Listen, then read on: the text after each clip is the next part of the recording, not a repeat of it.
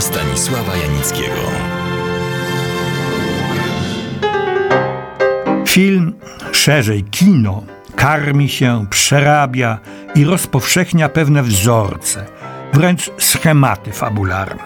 Szlachetny szeryf walczy ze złem. Szeryf może być policjantem, dziennikarzem, prawnikiem czy zwykłym obywatelem. Zło jest jeszcze bardziej urozmaicone i przybiera postać mordercy, złodzieja, malwersanta, gwałciciela, pijanego kierowcy, terrorysty, oszusta podatkowego itd. Tak itd. Tak Inny, nieco przyjemniejszy schemat reprezentują uczciwy, pracowity, piękny kopciuszek, zakochany, bogaty i nad wyraz przystojny książę lub królewicz.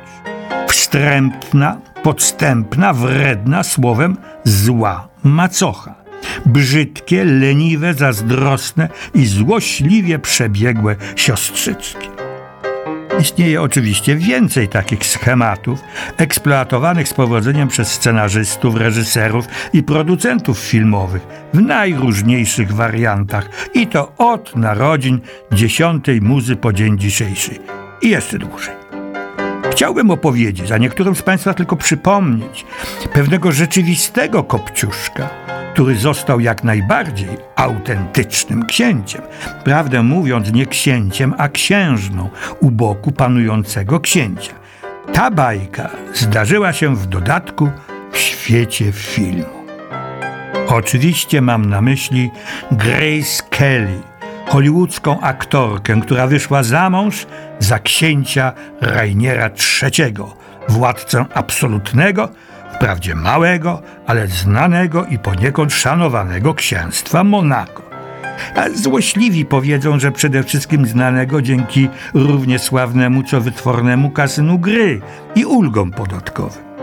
Bajka ta nie skończyła się jednak trwałym happy endem, lecz wbrew obowiązującym w tym gatunku literacko-filmowym zasadom miała zakończenie tragiczne. Słuchacie Odeonu Stanisława Janickiego w RMF Classic. Grace Kelly urodziła się 12 listopada 1928 roku w amerykańskiej Filadelfii. Jej rodzina miała korzenie irlandzko-niemieckie. Jack, czyli ojciec Grace, przejął po swoim ojcu interes budowlany. Rozwinął go i stał się człowiekiem majętnym. Jego żona, czyli matka Grace, była kobietą wykształconą, samodzielną. Z tego związku urodziło się czworo dzieci. Rodzice od najmłodszych lat wpajali im, że każdy człowiek jest kowalem swojego losu. Jeśli będą dobrzy w tym, co robią, zdobędą szczyty.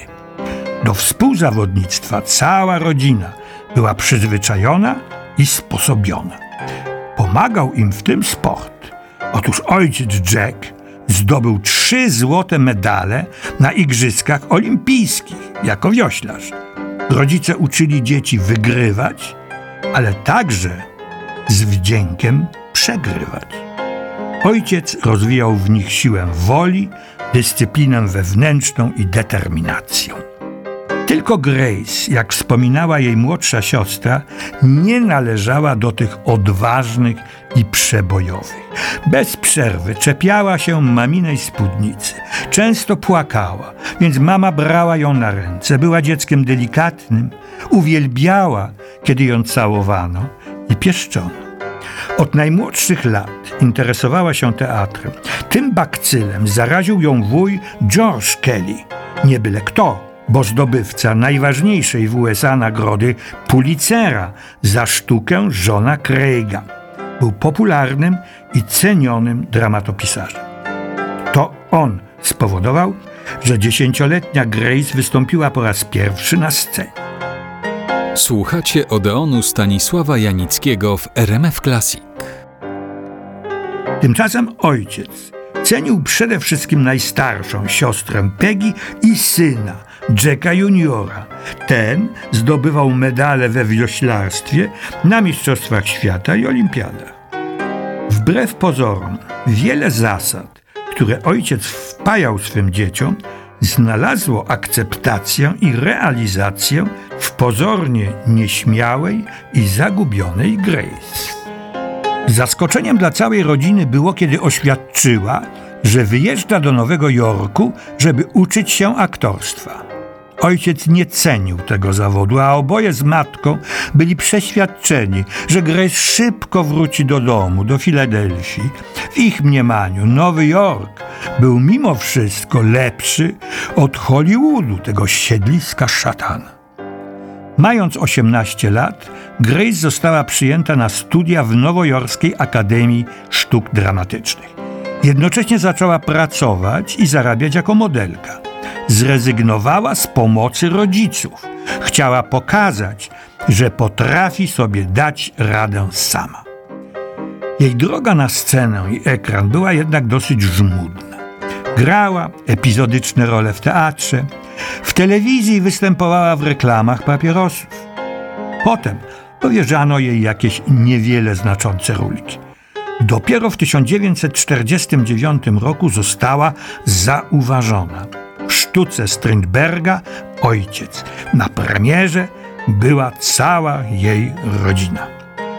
Pracował z nią wówczas początkujący, ale dobrze zapowiadający się reżyser Delbert Mann. To on zrobił potem głośne filmy Wieczór kawalerski, Marty, Oscar i Złota Palma w Cannes. Grace opowiadał, bardzo przykładała się do swoich ról. Wnikliwie analizowała postaci, które miała grać. Jej debiut w telewizyjnej sztuce Bogaty Chłopak Delbert Mann wspomina tak. Kręciliśmy na żywo i niczego nie można było powtórzyć. Wszystko było improwizacją.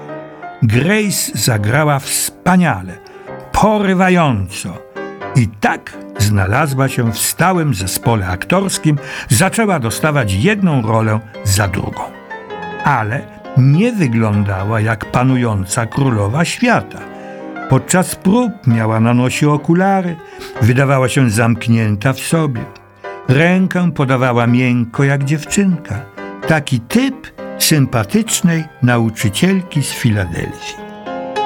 Słuchacie Odeonu Stanisława Janickiego w RMF Classic. Ponieważ filmowcy jej nie zauważyli, wróciła do teatru. Tymczasem Stanley Kramer, wówczas producent, a już wkrótce znakomity reżyser takich filmów jak Duma i Namiętność, Na plaży, Kto sieje wiatr czy Proces w Norymberdze, kompletował obsadę do jednego, jak się potem okazało, z najważniejszych i najwybitniejszych filmów świata w samo południe. Jego znajomy, też młody agent, opowiedział mu o Grace. Stanley Kramer chciał ją zobaczyć, ponieważ niewiele o niej wiedział.